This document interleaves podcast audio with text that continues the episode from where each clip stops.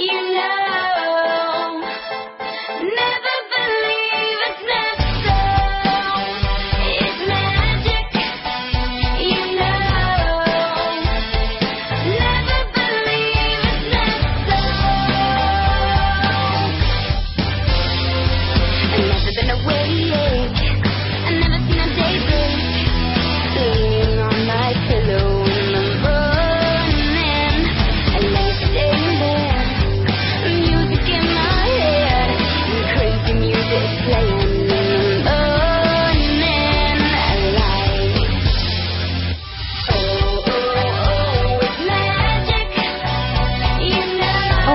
bona tarda. Soc la Xara Mate i això és... Posa màgia a la vida.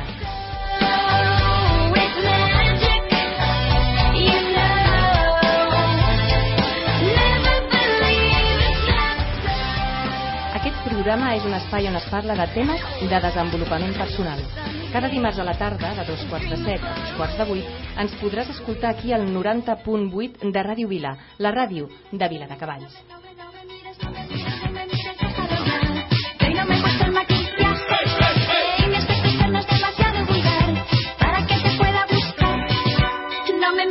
Me mires, no me no me, no me, mires, no me mires, no me mires, déjalo ya.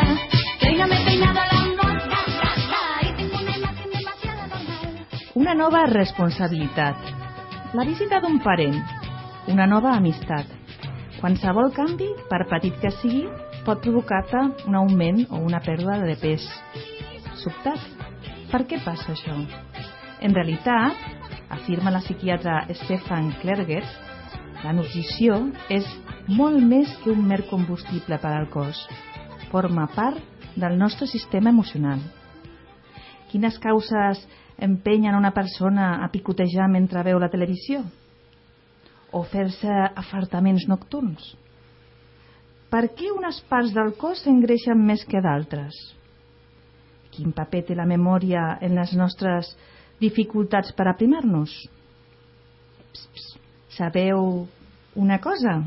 Les condicions influeixen en l'elecció dels aliments, en les conductes alimentàries i fins i tot a l'emmagatzament de greixos. Avui, a Posa màgia a la vida, parlem del sobrepès emocional.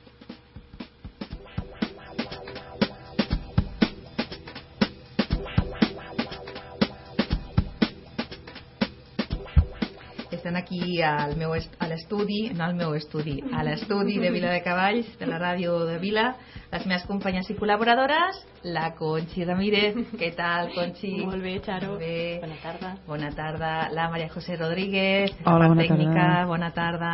I la Carmen Esteban. Hola, bona tarda, Hola, bona Xara. tarda. Eh, avui la Carme eh, no ens parlarà dels seus coneixements que han anat adquirint durant la seva vida, recopilant cursos, tallers... No, no ens, dirà, no ens parlarà de tot això, sinó que compartirà la seva experiència personal respecte al sobrepès emocional, que des de ben petita ella va patir. Així doncs, reflexionarem eh, tots plegats sobre, sobre aquest problema, aquesta angoixa que a alguns ens afecta. Mm, A mi principalment també, eh, m'ha Jo afectat. crec que a tothom. A tothom, Jo crec oi? que a tothom, a tothom i tant, i tant. Mm. Sí, sí, d'alguna manera o altra. No m'ho crec, Conxi. Sí, sí, sí, sí. Sí, perquè, bueno, ja, ja, ens sí, continueu ja- escoltant, Ai, ja ai. ho sabreu. Sí, sí, sí.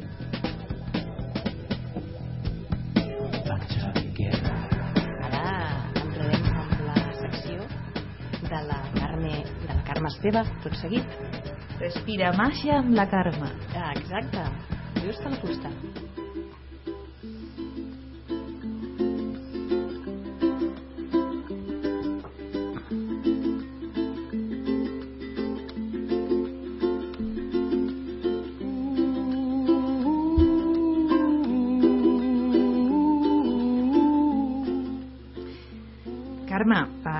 No donar masses voltes, explica'ns la teva experiència personal sobre el sobrepès emocional a la teva vida.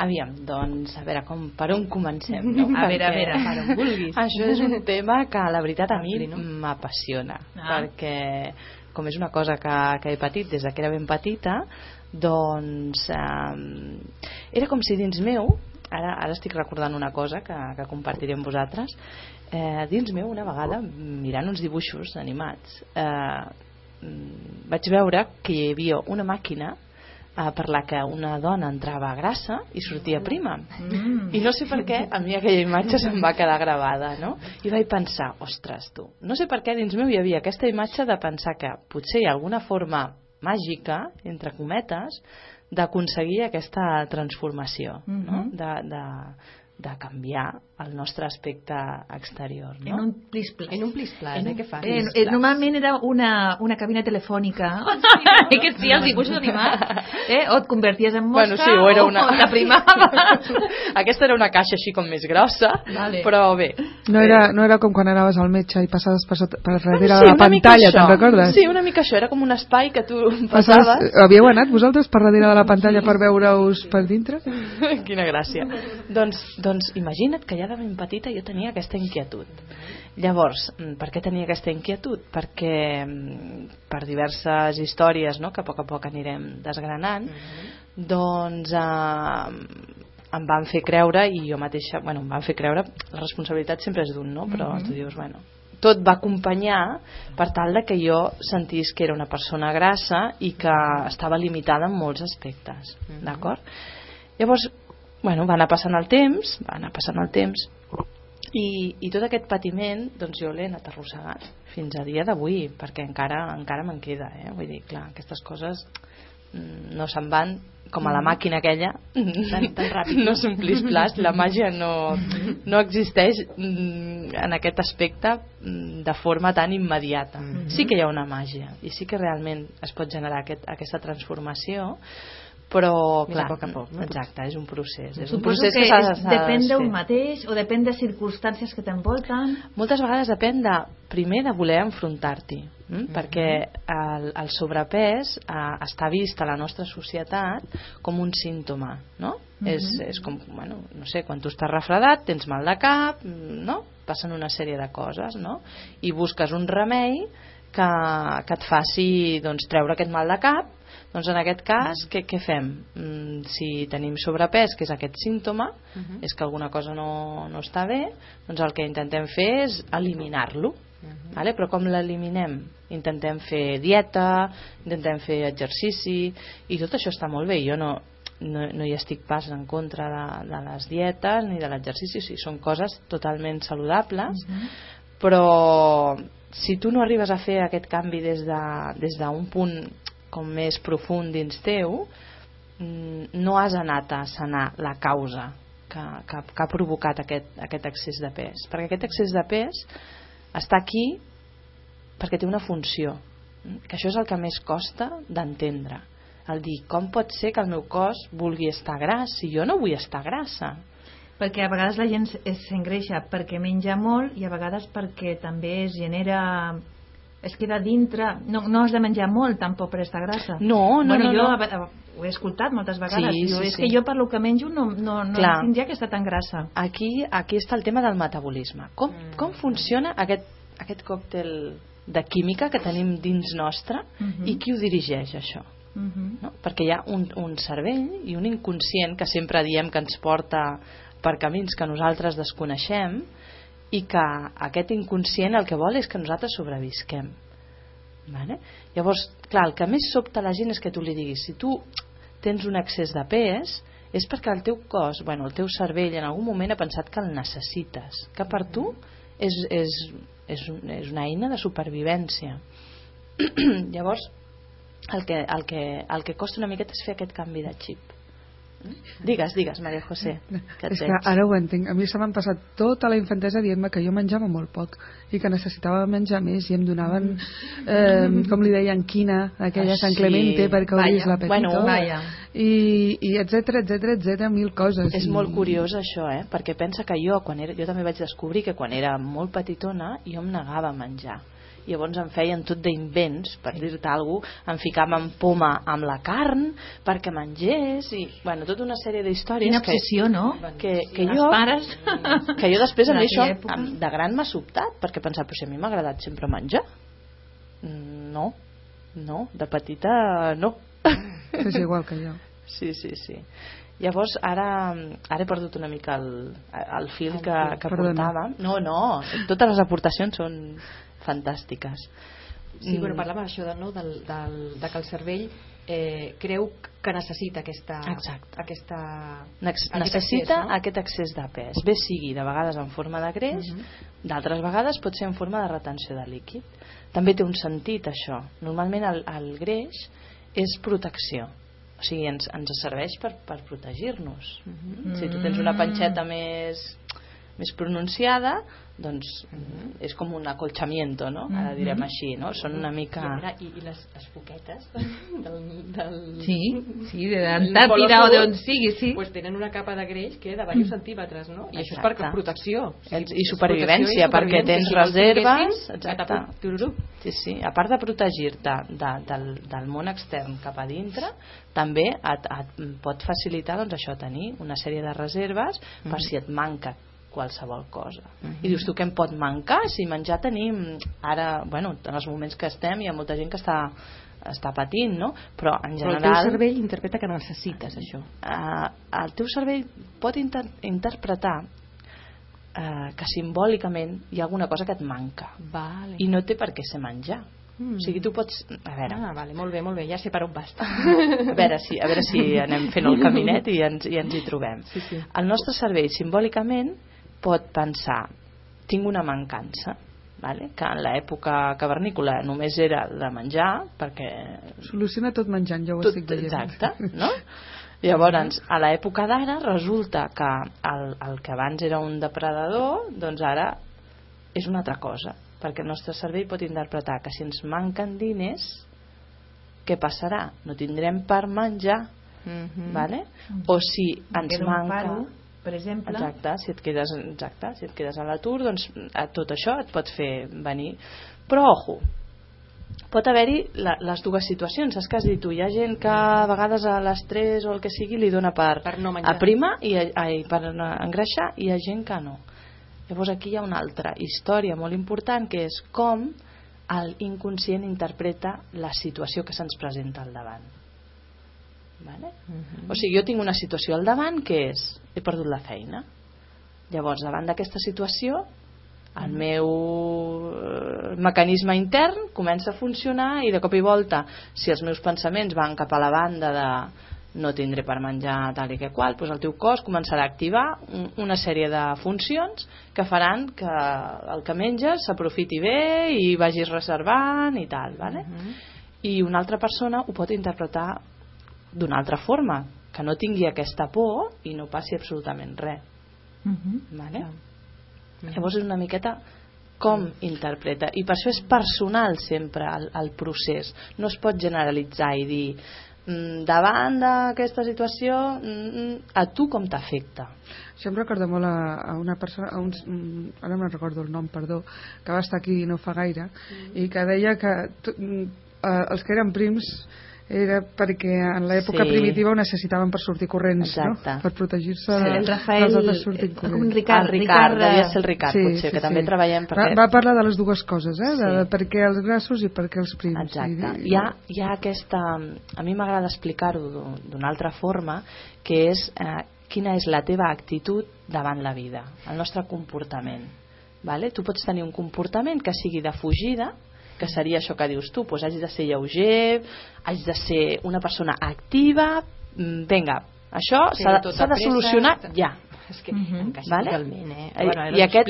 I aquest és, aquest és el comportament davant de la vida de fugida, que no vol dir que no t'enfrontis, no, no estic dient això, eh? Mhm. Vull dir, vull dir, una fugida pot ser una acceptació, una acceptació de que hi ha un problema i que l'haig de solucionar, bé sigui marxant, bé sigui fent alguna cosa, vale? aquest és un comportament davant la vida. I llavors hi ha l'altre, que diem que és el comportament de defensa, que és, és el, el comportament de resistir, resistència. Mm. Vale? Llavors, a, a, amb aquest comportament, bé, em puc fer gran, perquè jo pff, aguanto aquí carros i carretes, Clar, M'ho poso a l'esquena. Exacte. O també em resisteixo al problema. No sóc resolutiu.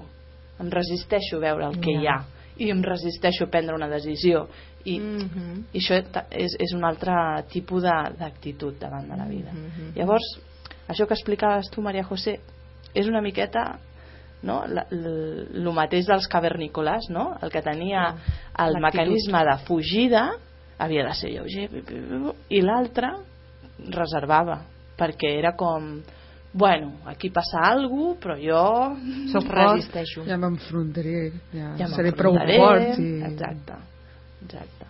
Llavors, una mateixa persona uh -huh. pot tenir aquestes dues actituds, de, depèn de... La situació o de la, del tema. Exacte, depèn del que passi. Ostres, però posar solució a això sembla com molt complicat. Bueno. Perquè clar, aquí entra la manera de ser, potser, no, Carme? De que, clar, de com, com hem anat, no? O els hàbits hem anat que desenvolupant, no? exacte, i, i les eines que hem tingut per solventar, ah. sobretot històries emocionals, no? la, la gestió emocional que sempre la... S'entrellaça l'autoestima totalment també, no? l'autoestima que ens han fet creure i la que creiem que tenim uh -huh. perquè clar, si tu no et, ves, no et veus capaç de resistir agafes el camí de la fugida o el camí de, de fer-ho tot ràpid, de, fer, de ser efectiu per tant has de ser lleuger i deixes de menjar perquè et mengen els nervis perquè vols fer primer sí. les coses i després ja menjaré si és que tinc temps però, però no? i, i, i si no saps encara què t'està passant estàs menjant i no saps el que t'està passant està bé, això està bé per saber-ho també per, n'hi ha no, per factors clar. clar, jo us puc dir que en, en la meva experiència el meu procés eh, primer de tot jo patia mm, perquè no m'agradava el meu cos uh -huh. perquè la gent m'ho deia no? que no era, el meu cos no estava en una norma que jo no sé on està escrita si algú Clar, té el manual normes, sí. que me'l que me digui però és igual, jo m'ho Sí. vaig jo vaig Mhm. decidir que, que tenien raó no? uh -huh. llavors això em va portar a una desconnexió del meu cos cada vegada més gran vol dir que si tu t'allunyes de totes les sensacions del teu cos t'allunyes del teu cos perquè el rebutges sí. al final t'acabes allunyant de les teves emocions de, de tot el que passa dins teu vale? Uh -huh. llavors jo vaig haver de començar a fer primer de tot un treball de tornar-me a connectar al meu cos i encara l'estic fent perquè lògicament Uh -huh. després de quasi 40 anys no, Uh -huh. desconnectant-te de tot el que sents doncs tornar-te a reconnectar no, no és un procés de la nit a, al matí no? connectar amb el cos seria com acceptació d'aquest cos o no? Buf, es pot treballar de moltes maneres. Clar, es pot treballar des de mirar-te en un mirall i, no? que a vegades hem parlat no? d'aquesta feina Sí. de, del mirall i reconèixer i aconseguir mirar-te amb amor i amb carinyo Mhm, mhm. vale? això seria un treball de- d'autoestima cap al teu cos Uh -huh. i llavors una altra part seria aquesta connexió al cos per sentir Vale? Per perquè quan, sentir. quan un, un es desconnecta del cos perquè no li agrada, el que Mhm. fa és que es desconnecta de, de les sensacions Mhm. Vale? perquè les sensacions són perilloses pel que sigui, a lo millor doncs, t'han provocat dolor llavors t'allunyes I, no? què, I què has de sentir? Que has... no, el que sigui el que sigui que sentis, és igual pots sentir felicitat o pots sentir dolor pots sentir-ho tot però si a poc a poc tu t'has anat mm, desconnectant del teu, del teu, la teva imatge corporal Mhm. necessites tornar-te a, re a Vale. reconnectar Reconnectar, està clar. Mm. Això és una mica com quan passes pel davant del mirall, hi ha, dia, dies, hi ha dies que passo i penso, buf, millor no em miro. No? I hi ha d'altres dies que, Que no, jo que estic bé, eh, que jo estic Mm. bé, que estic contenta i de cop em miro i dic, ah, mira, avui tens bona cara. Avui és que tot bé. és, tot és això que acabes de dir eh? el, teu, el teu aspecte corporal en realitat és com tu el mires des de dins teu i a mi també em passa molt això que dius tu no? que hi ha dies que pel que sigui estàs visquent un estrès, un, Mhm. unes històries i et mires al mirall i dius és que clar, és, la meva cara està reflectint com estic per dintre no? que hi ha una guerra i, i llavors quan tu estàs bé amb tu mateix el que veus és el que hi ha no, no ha de ser una altra cosa el problema és que t'has passat molts anys pensant que has de ser una altra cosa que no seràs mai Clar, Nosaltres- batallant contra allò o sigui, Sí. enrabiat i moltes vegades sí. posem un exemple de, quan fem tallers sobre alimentació i emocions que són dues illes, ens imaginem dues illes no? Mhm. i la persona té una illa que és el que és i l'altra illa que és el que li agradaria ser Mhm. vale? i el problema quin és? doncs que no estem ni en una illa ni en una altra amb la qual estem perduts allà al mig del no res eh? que volem anar a un lloc i l'altre no el volem tenir i, i és una mica aquesta sensació no? de, És nedar entre dos aigües. de desconnexió és, és una desconnexió perquè un pot tenir me- metes i objectius a mi això em sembla fantàstic però clar, sempre sabem des de on ens trobem i acceptant on estem, com, són, com som ara mateix, no? El problema és que si tenim un objectiu i, i ni tan sols mm, som capaços de reconèixer on som i qui som, doncs clar, no, No hi ha ens trobem per, perduts. És aquesta sensació de- d'estar de, perduts.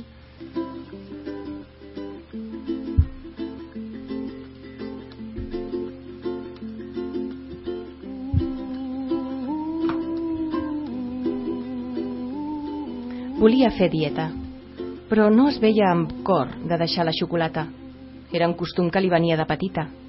Quan el seu avi sortia a buscar el diari i d'amagat, s'asseien en un banc i es partien una xocolatina. Amb, aquesta, amb aquesta petita Fragment, amb aquest, fragment. Aquest, amb aquest petit fragment el que, a mi el que em, em mou dintre no, és, és el, el, arribar a descobrir com tenim un vincle emocional amb, els, amb alguns aliments, no amb tots Mm -hmm. però alguns tenen aquest vincle tan fort no? aquesta, Mhm. aquesta persona per ella la xocolata doncs, representa molt més que un tros de xocolata Tant. Mm, igual que quan, per exemple, a mi arriba Nadal i la meva mare fa canelons, doncs representa molt Mm, més que uns sí. canelons. Per mi és aquell moment en el que tota la família està unida, Mm. que es respira una cosa És com un diferent. ritual, com un- Exacte, llavors jo a lo millor un dia és un diumenge qualsevol i penso em venen de gust canelons i realment no vull els canelons, el que vull és aquella sensació. Mhm. I moltes vegades estem buscant aquella sensació. Les crispetes d'un dissabte a la tarda. Sí. Amb això la publicitat hi juga molt, eh? Mm, tant. ja Sap- saben. sap molt, eh, Ens manipulen. Hi ha uns anuncis de... Suposo que us vindran a la ment.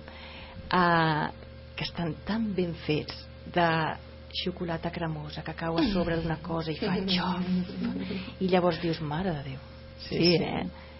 És que és un punt feble, eh? El xocolata... Sí, sí. Eh? I, i, I si no les nenes aquelles, no? Que sempre és com la tentació. No? Tentació. Xocolata. una cosa mal feta Jo, no? jo me'n vaig a lo meu, o si no, xas, la cervesa obrint-se. i- la gota, la gota que cau per, per, per, bueno, per fora de la, de la llauna Bueno, et, et, et eh? motiven, són anuncis que ja saben que, quines són les sensacions que et recordarà veure aquella imatge i el que deia la Carme, corrents sí, sí. I, i et buscar. diuen, és hora, vinga, És hora de- abren la nevera... els creatius són, són experts en, en detectar aquest tipus d'emocions que tu dius. Clar. Jo et volia fer una pregunta i és que en aquest fragment, eh, a part d'això d'evocar sensacions i així, també tindria a veure potser amb una mena d'hàbit? O sigui, ells no, s'asseien, primer s'asseien amb, el- amb l'avi al costat en un banc eh, a buscar el diari i tal, i ara la xocolatina, no? Això ens podria ajudar a ser conscients de trencar aquests hàbits per per poder lluitar contra coses que no volem menjar, per exemple, eh, t'ho pregunto, com, com, com Mhm. podríem canviar aquests hàbits, o, o no sé si és la paraula lluitar, o, o, o, o desprogramar-los, no ho sé. Jo crec que el, el primer pas sempre és, és, és prendre aquesta consciència. O sigui, el Vale. primer de tot, que era el que Molt bé, venia a bé. explicar-li una miqueta a la Charo, és que que, que deies tu, i com es fa això? I com es desfà tot això? Ah, Clar, sí. el, mira, primer... Primer prendre consciència. És que abans de prendre consciència el que passa és que fas les coses i no saps per què les fas. Mhm. No? Ja. De cop i volta saps que tens una addicció per la xocolata, Mhm. però tu no saps ni t'has parat mai a pensar per, Per què? què? Per què la xocolata i no la nata? No? Per dir-ho d'alguna forma. Que també. Eh? Vaja. Que Que sí, també. jo sí que sé per què la nata. Sí? Els dissabtes al matí sempre em portava la meva mare un, una ensaïmada farcida de nata Oh. per esmorzar, perquè com que estava necessitada. Clar, Clar, clar, clar. Oh, que bo, que bo. I la nata m'encanta. T'encanta, doncs. I t'aboca això, Sí. veus? Clar, Hòstia. llavors, en, en, el que us deia, no? tu vas fent, tu vas fent la teva vida i tens una sèrie d'hàbits, com, com tu deies, Mhm. i, i dius, bueno, i jo no sé per què, no, no, no Sí. sé per què a mi, per exemple, especialment al vespre m'agraden els entrepans. Just, just, que dius, exacte. seria justament la cosa que menys m'aniria. bé. No, Un no. pa amb tomàquet amb Exacte, pernil. per exemple. Dius, ah, pues, eh, primer de tot és anar a descobrir quines sensacions m'està portant Mhm. aquest aliment en concret. Què, què estic notant jo? Què, què està passant? Prendre consciència. Podria recordar els moments en què a l'estiu la meva mare em feia el bocata i me'n podia anar al carrer a Al sopar el carrer, bocata. eh? I tu i jo, Maria José, tenim moltes coses en comú, eh? Ja ho estic veient. Clar, per mi el- el- l'entrepà era la llibertat, no? Clar. A l'estiu, el fer Sí, senyor. Perquè, de fet, jo, quan anava a l'escola, a mi no em feien entrepà. Jo no recordo pas. No, no, no, no em deixaven sortir a, a, la, a la tarda ni a la nit Clar. amb els amics. Això era l'estiu, i l'estiu era això, el bocata, això. ja sigués de llom o de lo Clar, que fos, doncs llavors a- tu imagina't que has tingut un dia superdur a la feina, superestressant, vale? i arribes a casa i dius, i ara què em menjaria jo? Aquell bocata que em donarà? Em donarà tot allò que ara mateix em fa falta. Mhm. El que és em fa falta és que és- aquella sensació de que Llibertat. sóc lliure, no tinc càrregues, no tinc responsabilitats. Que l'estiu és per mi.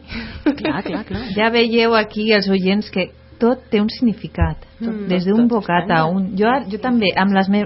a casa meva, tenim la costum, i ara ho veig, que després de sopar, o fins i tot de dinar, un trosset, una, una onza de xocolata, Mhm. ens mengem. N'hi ha tres tipus de xocolata a casa. Cadascú té Cadascú la té la seva. I després de, de dinar o sopar, un trosset de xocolata. És l'últim sabor que tenim. Des... I per què ho hem fet, això? Per què ho hem creat? Jo- Però és que les meves filles també hi passaran. Quan siguin grans també estaran enganxades. Jo, jo m'he privat, m'estic privant des de fa molt de temps, però el Mm. meu gran plaer sempre després de dinar, de sopar, del que fos, era un bon tros de pa amb oli. Oh. El meu postre era pa amb oli. Doncs mira, parlant del pa amb oli, t'explicaré una història meva, que la meva mare tenia una botiga quan jo era petita i de vegades em feia anar a, bueno, allò, una veïna que tenia una bossa que passava, pues, ah, acompanya-la. I jo anava a acompanyar aquella veïna i aquella veïna, saps què em donava? Un tros de pa amb oli. Mm. I jo et puc assegurar que hi ha moments en els que jo em menjo allò. I un dia, per cert, ara me'n recordo no fa gaire, el meu marit em deia, què fas? Dic, diu, què fas menjant un tros de pa amb oli? I vaig pensar, és que tu no ho entendries. Ah. Però per mi aquest tros de pa amb oli... És la punteta, li treus la miga, la molla, eh? Sí. Per dintre i el ratxet, bon ratxet Bueno, d'oli, eso eh? es un joyo, eso es diferente. Y eso, Això es muy... ja és massa. Ostres, què és això? Què és això? Un joyo, Eso que diu. acabas de Un joyo, explicar ¿qué has tú. dicho? Un joyo. Sí, eso Sí. que acabas de explicar tú eh, eh, es un joyo. Almerita la joya. No, de, de hoyo, de hoyo, però... De, de hoyo con, con H aspirada. Ah, andalusa. Un hoyo, un hoyo. Es un joyo muy típico, creo que es de los cordobeses, sí. Sí, es andalús. Veus? Bueno, pues llavors a, és mí, a, a mí es que me gusta con toda la mollita. A mí no me quiten Sí. la Ah, molla del no, pan. a, a La mollita, la mollita, me- em hombre. treia la, mo, la molla, però mm, posava l'oli i després me tornava a posar, em tornava a posar la, Ah, la molla. Vamos. I sempre acabaves amb la mà tota pingosa perquè queia, filtrava l'oli i que al final, doncs, eh, i tot l'uniforme tacat i, bueno, en fi, perquè... Bueno, coses que passen. Doncs imagineu com aquest pa amb oli per mi era la recompensa per haver, per haver fet una cosa que estava bé. Clar. Llavors, cada, cada, però cadascú té la seva història, per això no es pot generalitzar, no? Cada persona és... O tinc, tenia una, una amiga que, bueno, que també, doncs, quan plorava li donaven un trosset de xocolata, el qual, doncs, ella el que, el que li fa sentir la xocolata per una altra persona potser la- l'excita, no? Diuen que és excitant la xocolata. Doncs per ella la tranquil·litzava, perquè era, era el premi després de, de plorar. És com... Uh -huh. Mm. Carai. Aquesta és la seva explicació, eh? Doncs, eh, escolta, explica'm, quan, quan arriba la teva transformació, primer de tot és que et fas sentir... Has, has dit que Bueno, el que vaig començar a fer va ser el, el ioga, Sí. vale? primer vaig començar a fer ioga, que em va ajudar doncs, això, a, a, a reconnectar una miqueta amb, amb, amb el cos, a començar a estimar-me'l, perquè també una de les coses que em passava és que odiava a mort l'exercici físic, per, per experiències a l'escola, doncs era una cosa que era horrorosa. Uh -huh. I, i llavors doncs, dins d'aquest procés a part de, de connectar-me al cos doncs, vaig començar a estimar doncs, que el meu cos es movia i que estava bé no? Perquè, perquè pels qui no ho saben, Uh -huh. una pinzelladeta de lo que tu fas a les teves classes de, de ioga, Mhm. Carme, m'agradaria que en un minut o dos ho, ho digués, no? O sigui, perquè jo sóc una desconeguda en aquest, eh, Sí. en aquest mm, Camp. camp i, i voldria que... Sí, jo també. Perquè si els, oients, si els oients, eh, per exemple, poden utilitzar aquest tipus de... Uh -huh. Sí, De a teràpia, més avui dia hi ha vídeos a tot arreu, al Bueno. YouTube, a, es poden fer, si una persona realment vol fer Mhm. alguna cosa, doncs jo penso que tenim una pila de- d'eines. Llavors jo particular, exacte, jo particularment a les meves classes sí que el ioga està molt vist com molt postural, no? Mhm. El que tots ens imaginem quan pensem en ioga és una persona allà quasi que contenint l'aire i, i aguantant una postura molt de temps Mhm. i no seria el cas de les meves classes jo, Vale. a mi m'agrada més mm, bueno, hi ha mestres de tot tipus i alumnes que empatitzen amb tot tipus de mestres llavors hi hem de, hem de ser-hi tots i tots tenim cabuda no? i el que jo treballo molt és la connexió amb un mateix Al- a l'aprendre a sentir el meu cos el que dic, fem molts exercicis de ara sento el meu peu, ara sento no sé què, Vale. quines sensacions hi ha en el meu cos, reconec mm, què està passant pel meu pensament vale?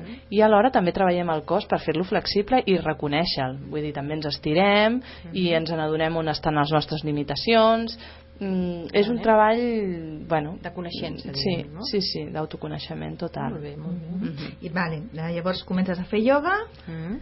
I què més? Vale. Jo en aquest procés penso que m'he saltat un, una part Mhm. que és important, perquè jo us he dit que de petita patia, Mm. vale?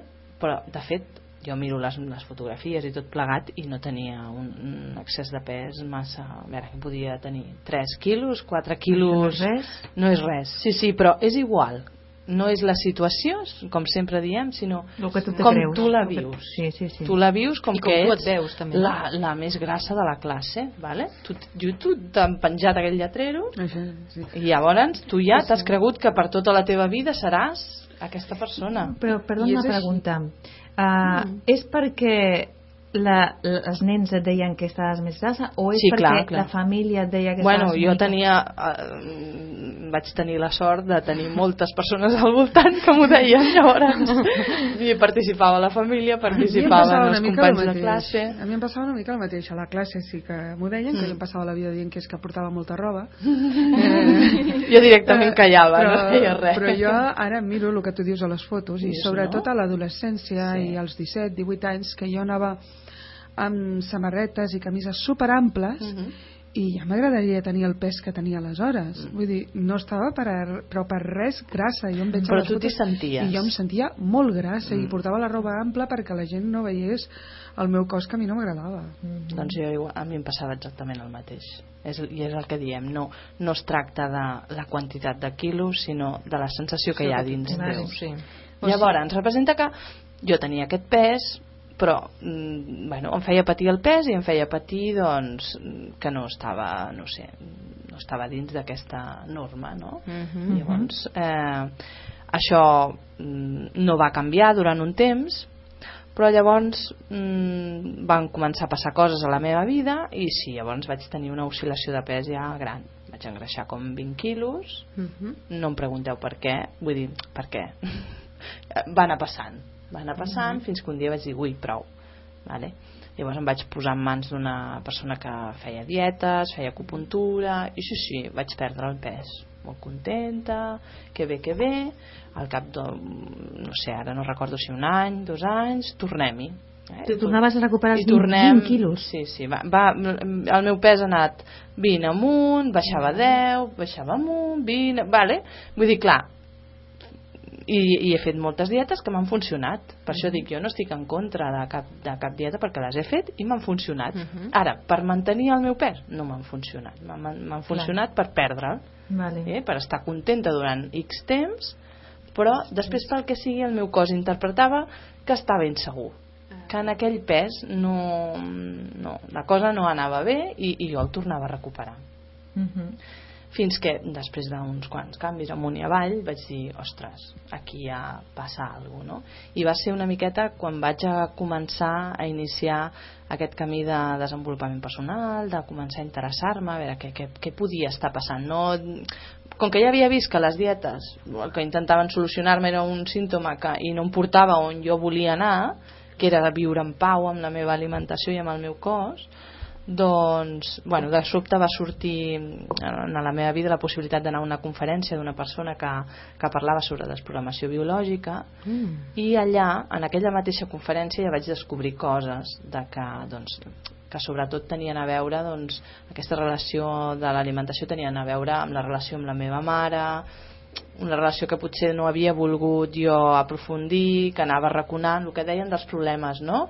Els deixem allà i, o ens fem forts i pensem, va, a mi O això no m'afecta o ni te n'adones. Exacte, no? Mhm. I en aquest cas ja se'm va obrir una porta que em va portar doncs, finalment a fer teràpia amb, amb aquest terapeuta de Mhm. desprogramació biològica. I tenia tres temes a tractar amb ell, un era el tema de, del pes, però veritablement no el, vam, no el vam tractar directament. Vam començar a treballar doncs, sobre altres històries meves i es va generar un canvi que jo sempre explico que és com, bueno, va ser, un, va ser una passada perquè mm, va ser pues, això, com donar-li un interruptor o passar per aquell, aquella màquina màgica que en dos o tres setmanes vaig perdre una pila de pes sense fer absolutament res, tenia una energia desbordant Carai. brutal i jo ara reflexionant de què va passar allà no? perquè van moure molts temes que jo tenia aparcats aparcats dins meu i que tenien el seu pes Clar, tots clar. aquells temes estaven allà no? ocupant el seu espai no?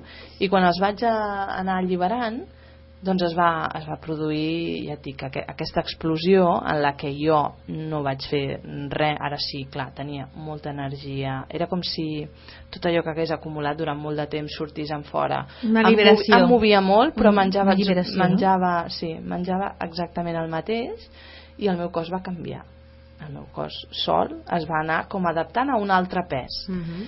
i això que us deia, mirant enrere, jo penso que en aquell procés el que em vaig donar va ser el permís de fer, de fer moltes coses Mm. que jo mateixa em negava. Mhm. Vale? Llavors, aquest procés el vaig fer, vaig perdre, ara no recordo si van ser, ja dic, en aquelles dues setmanes van ser 6 quilos, més les que van anar a darrere, en total van ser uns 10 quilos, vale? Mhm. que van, van volar. Vale? Aquell procés sí que va ser ràpid. Tot i així a mi em quedava uns altres 10 quilos per perdre, Mhm. que aquests m'han costat una mica més, i de fet encara, encara en tinc, eh, per, per, per baixar, Mhm. però el que he descobert és que no es pot córrer en aquest procés. O sigui, que hi ha moments en els que tu sí fas com aquesta mena de salt quàntic, Mhm. vale? en el que, puf, descobreixes coses, s'activen mecanismes interns que fan que tot allò que tenia un sentit, el teu greix, deixi de tenir-ho i, i marxi, vale? però hi ha altres històries com que costa més que el cos, jo us dic el procés que estic visquent ara Mhm. que, que vaig com 4 quilos amunt, 4 quilos avall, i no us exagero, i és en la mateixa setmana, els, dues setmanes es, va, es vaig variant, i és que el cos no s'acaba de sentir segur en aquell pes.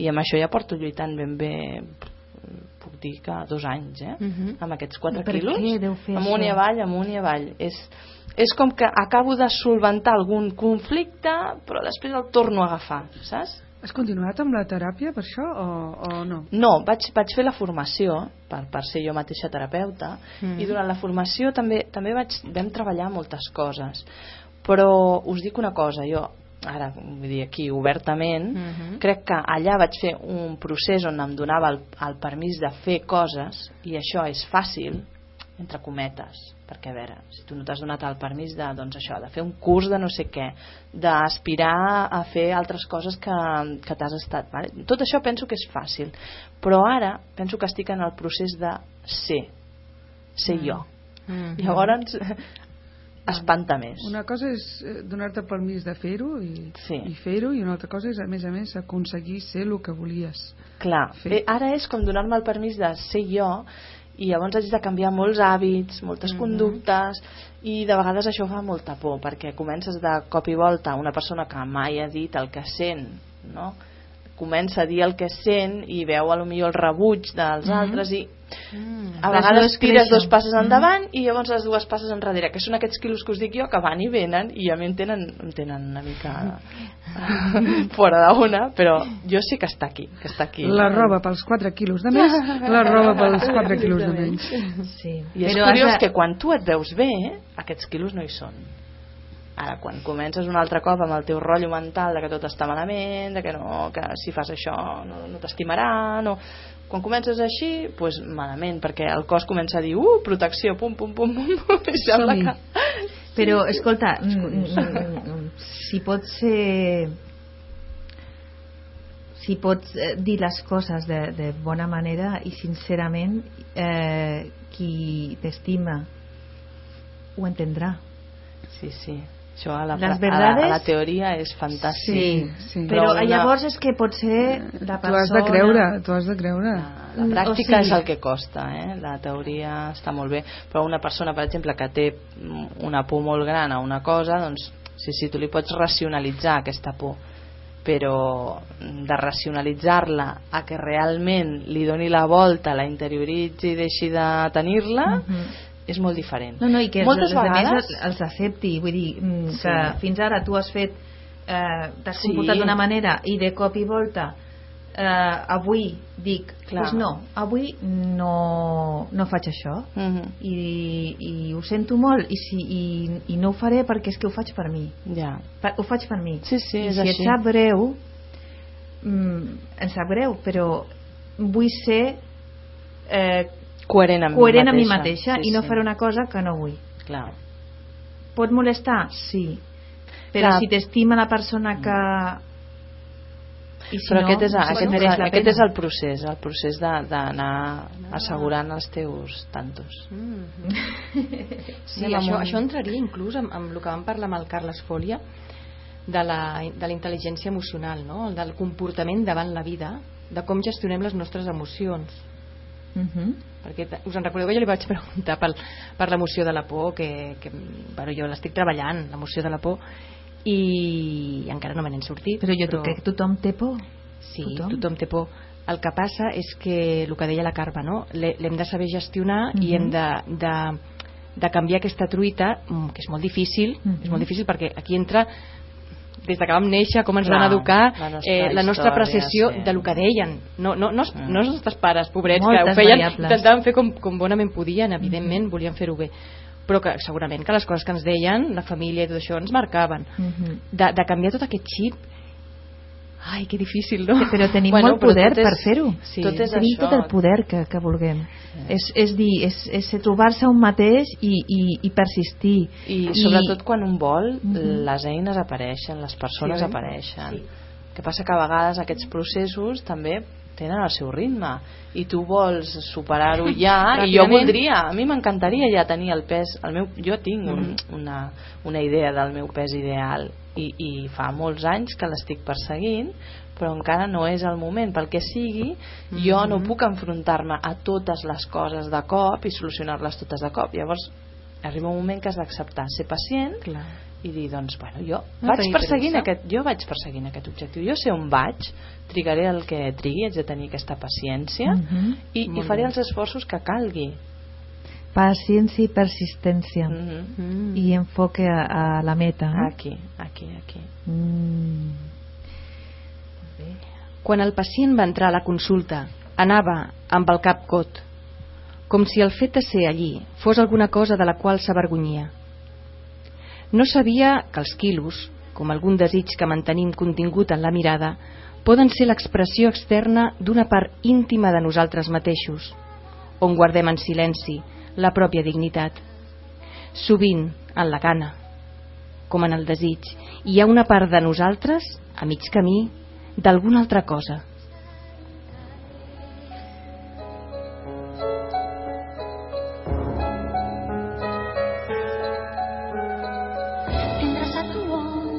Bueno, què et diu aquest fragment? Doncs el que em ve a dir és aquesta sensació que tenen moltes persones de, de sentir-se avergonyides per no estar dintre d'aquesta norma, Mhm. per sentir-se avergonyides perquè pensen que fan alguna cosa malament quan mengen coses que no són saludables o mm, tota aquesta sensació jo la conec no? I, i bé, hem de, hem de començar a desfer-nos de tota aquesta culpabilitat no? perquè és, és aquest capcot és, és aquesta culpa no? tan gran que, que ens posen. Que utilitzem el menjar moltes vegades com a via d'escapament. I tant, i tant. Perquè no n'hem trobat una altra. Llavors tot es tracta una miqueta de, de, de voler fer aquests canvis i el que dèiem, i que vagin apareixent les eines, les persones que ens poden donar aquest, aquest cop de mà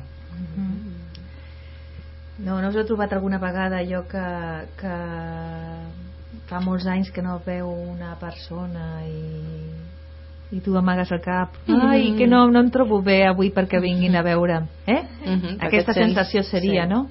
És dir, o, o, o per exemple mm, pues això, això del menjar ja, ja és un bon exemple, no hi ha més però tot, tot és això, no trobar-se bé amb si mateixa exacte i creure que un no està fent malament i a veure, cadascú fa veritablement el que pot amb les eines que pot Aquest és un programa de desenvolupament personal. Cada dimarts a la tarda, de dos quarts de set a dos quarts de vuit, ens podràs escoltar aquí al 90.8 de Ràdio Vila, la ràdio de Vila de Cavalls.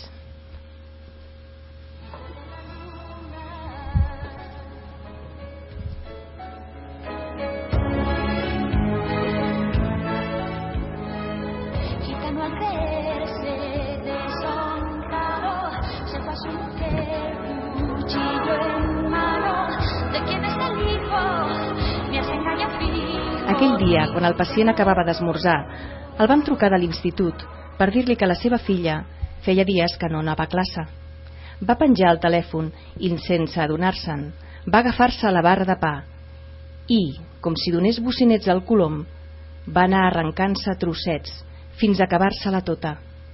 Després, el buit ja no era l'estómac. Ara la plenitud gàstrica coincidia amb un descoratjament que li transformava l'amor en por. Llavors, va recordar el transatlàntic, que sota un cel buit veia passar de petit cada capvespre, des de la seva finestra.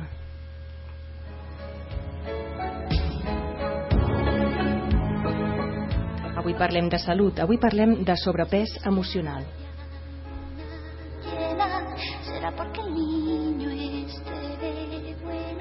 Doncs bé, tots aquests fragments que hem, que hem anat llegint durant el programa eh, pertanyen a la Pilar Sant Pau, que és una doctora i cirurgiana Mhm. que es va especialitzar en el món de la dietètica i ha escrit força llibres.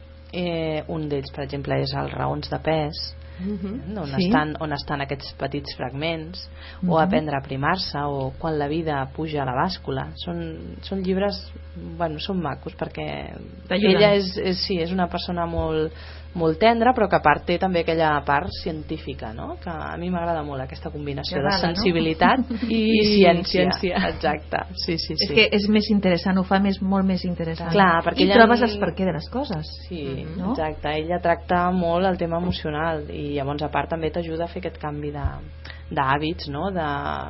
d'incorporar altres aliments està, està força bé, jo us ho recomano Mhm. llavors a part d'aquesta autora que aquesta és catalana i de la terra vull dir que és la primera que, que recomanem Molt bé. llavors ens n'anem a altres països eh? ens n'anem a, a mi la, la meva preferida és la Janine Roth que és una persona una miqueta, jo m'agrada identificar-me amb ella perquè és una persona que va viure una experiència negativa amb la seva alimentació i ella va fer el seu camí i ara és una persona que imparteix doncs, això, teràpia i tallers a moltes persones per ajudar-les a sortir d'aquest conflicte no? amb, amb, el, amb el menjar Mhm. el primer llibre que jo vaig llegir d'aquesta autora està a la Biblioteca de Vila de Cavalls per Ah. si algú el vol anar a buscar que va caure a les meves mans Doncs com es diu? i es diu Cuando la comida sustituye al amor Oh. un títol així ja que dius ostres, és molt potent i molt dens ah, el títol és així, eh? sembla molt mono però ja us dic jo que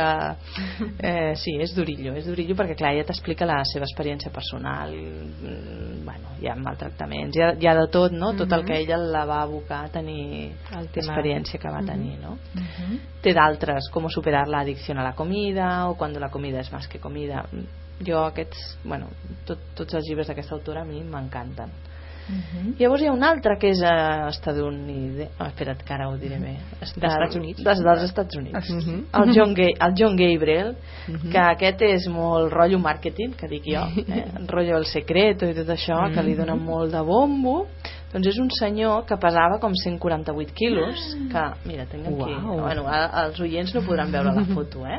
Joroba, Uau. Us puc dir que és un sex symbol, De eh? calendari, senyors. a la web, Sí, sí. a la web podéis ver el antes, que no era el sex symbol. Estem, estem parlant de ser... De La ser Maria José ve home, cap aquí perquè no s'ho vol perdre.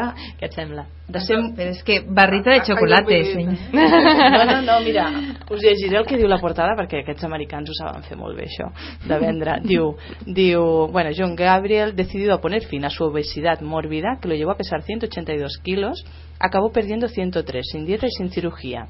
Por si fuera poco, su cuerpo no mostraba signo alguno de haber padecido sobrepeso en el pasado, algo que revolucionó a la comunitat científica. Bueno, ja sabeu, eh, que això és...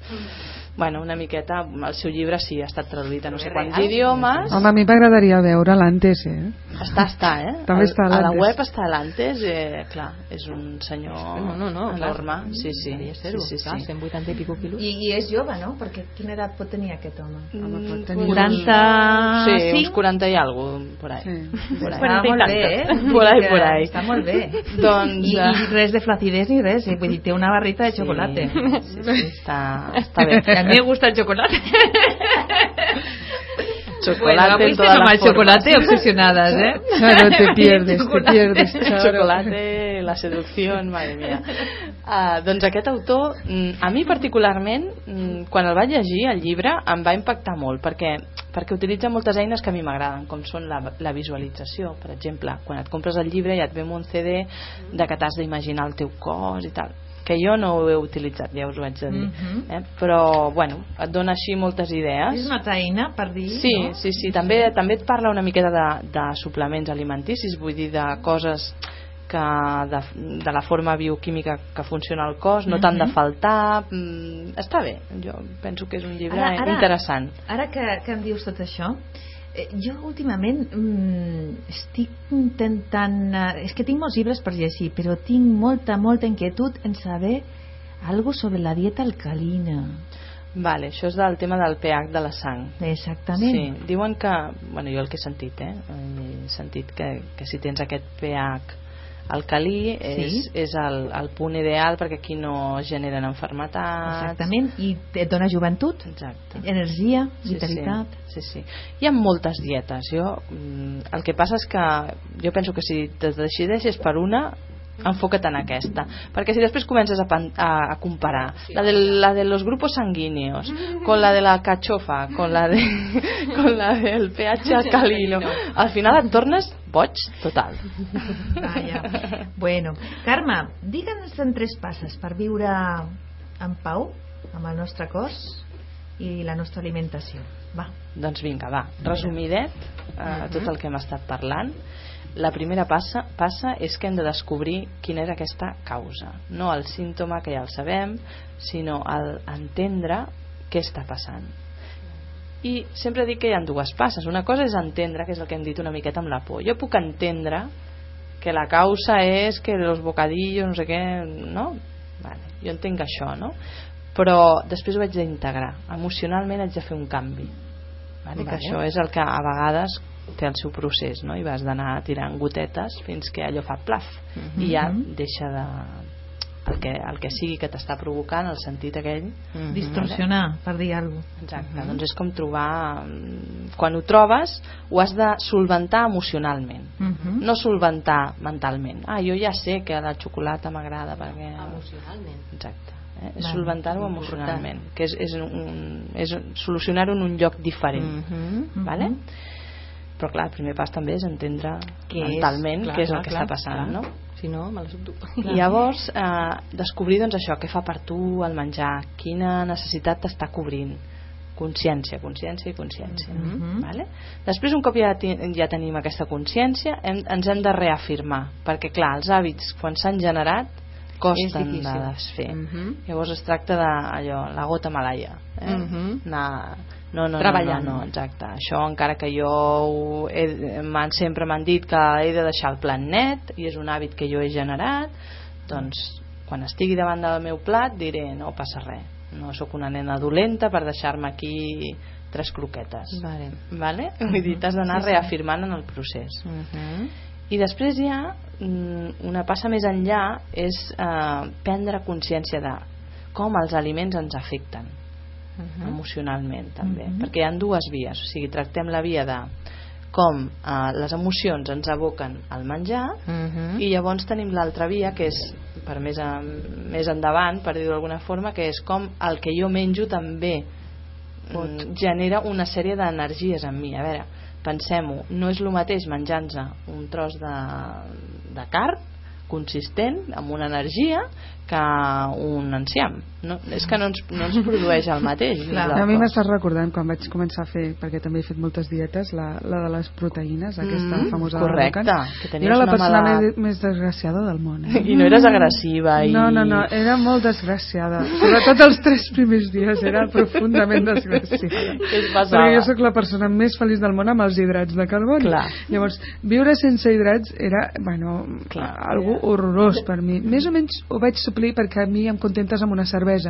Llavors, Compensaves el, tota la manca d'hidrats de carboni. Introdu amb vaig cervesa. introduir, vaig, vaig perdre els mateixos quilos que havia de perdre, però amb la meva cerveseta diària, Bueno, sempre ho bueno, dit, mira. i, i també vaig passar olímpicament del tema de l'oli, que havia de ser un oli de ricino o de lo que fos, no sé Sí, que sí, deia. sí, sí, sí. i jo vaig continuar amb el meu oli de I vas d'oliva. perdre. I vaig perdre tots els quilos que havia de perdre. Però els tres primers dies, absolutament desgraciada, jo vaig pensar, si jo haig de continuar amb això, és que em moriré, però de tristesa. de veritat. I, I després, més endavant, el que tu dius, voler sortir a córrer i no tenir energia.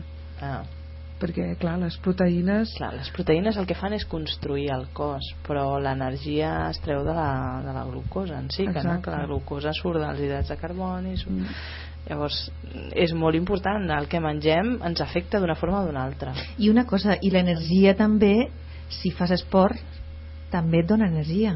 No Sí, te la treu. sí, també et l'estat però jo, jo em vaig notar molt debilitada jo Clar. els primers, les primeres setmanes volia sortir a córrer i no i de fet la pròpia dieta t'ho diu eh, que, que no facis una, un esport excessiu i, Clar. i em vaig trobar molt molt Clar, perquè debilitada deus tenir els òrgans a més super, super sobrecarregats Clar, perquè han d'eliminar tota aquesta proteïna vull dir, a veure, un pot fer això doncs mira, en un moment puntual i tal però després te n'adones que realment no, jo particularment és, no, ho repetiria no, no és saludable no. Ja està. Doncs molt bé, ara el que farem serà el conte de el raconet màgic de la Conchi.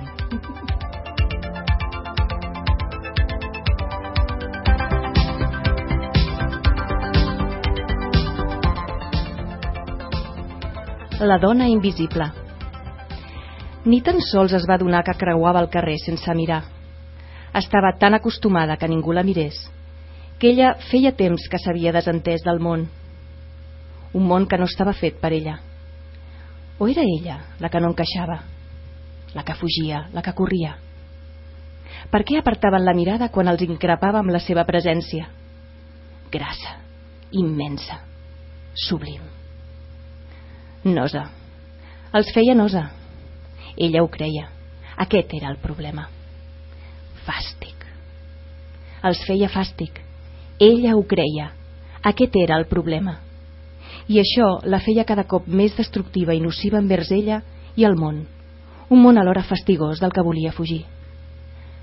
No és que no pugui deixar de menjar, és que no vull.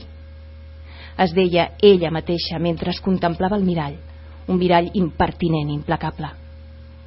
Aquella crema de cacau la cridava constantment des del prestatge de la cuina, poderosa i exultant manipuladora de tot tipus de temptacions. Com la odiava. Com la desitjava, insistent.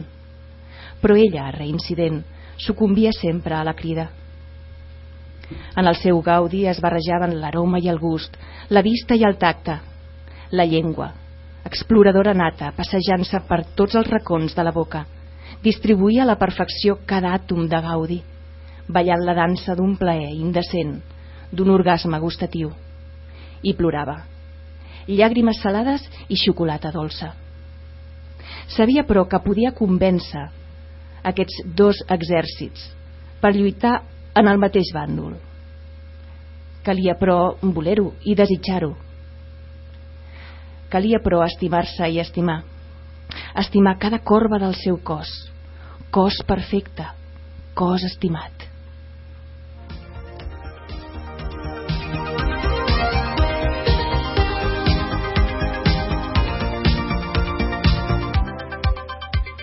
Uh, au, jo no sé què dir, eh? uau, Impressionant uau. aquest. Sí, sí, Tu sí. ja ho has dit abans, Carme.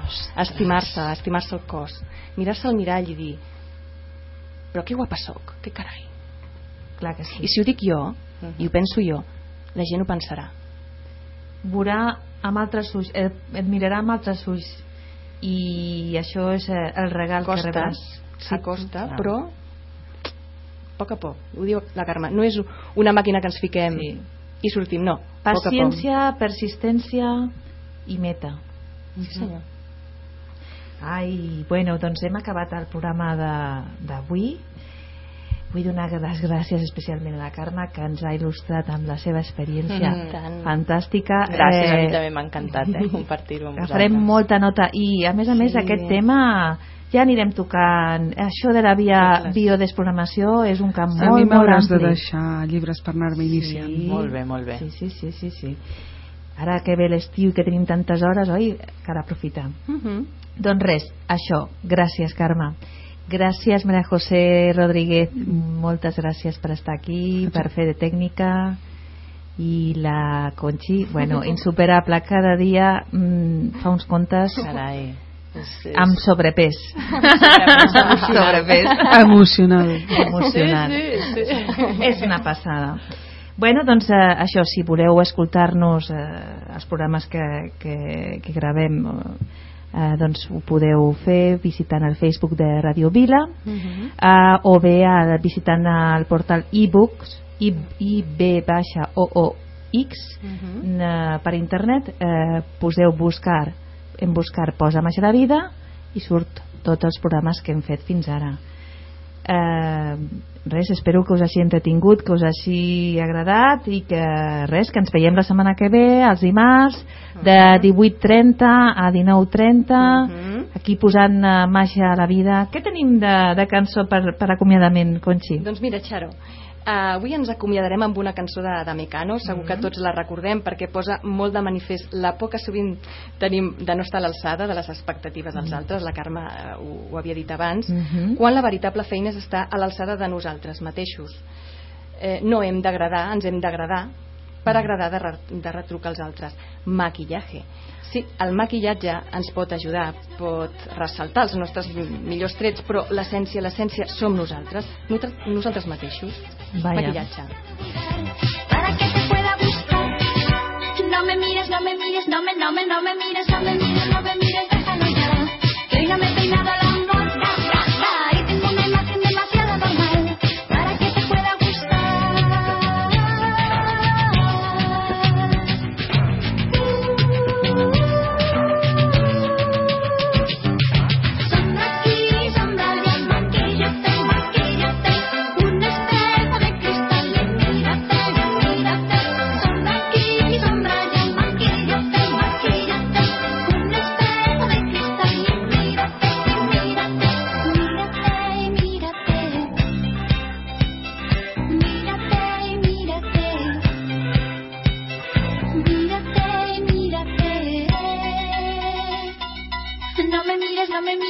no me, no me, mires, no me mires,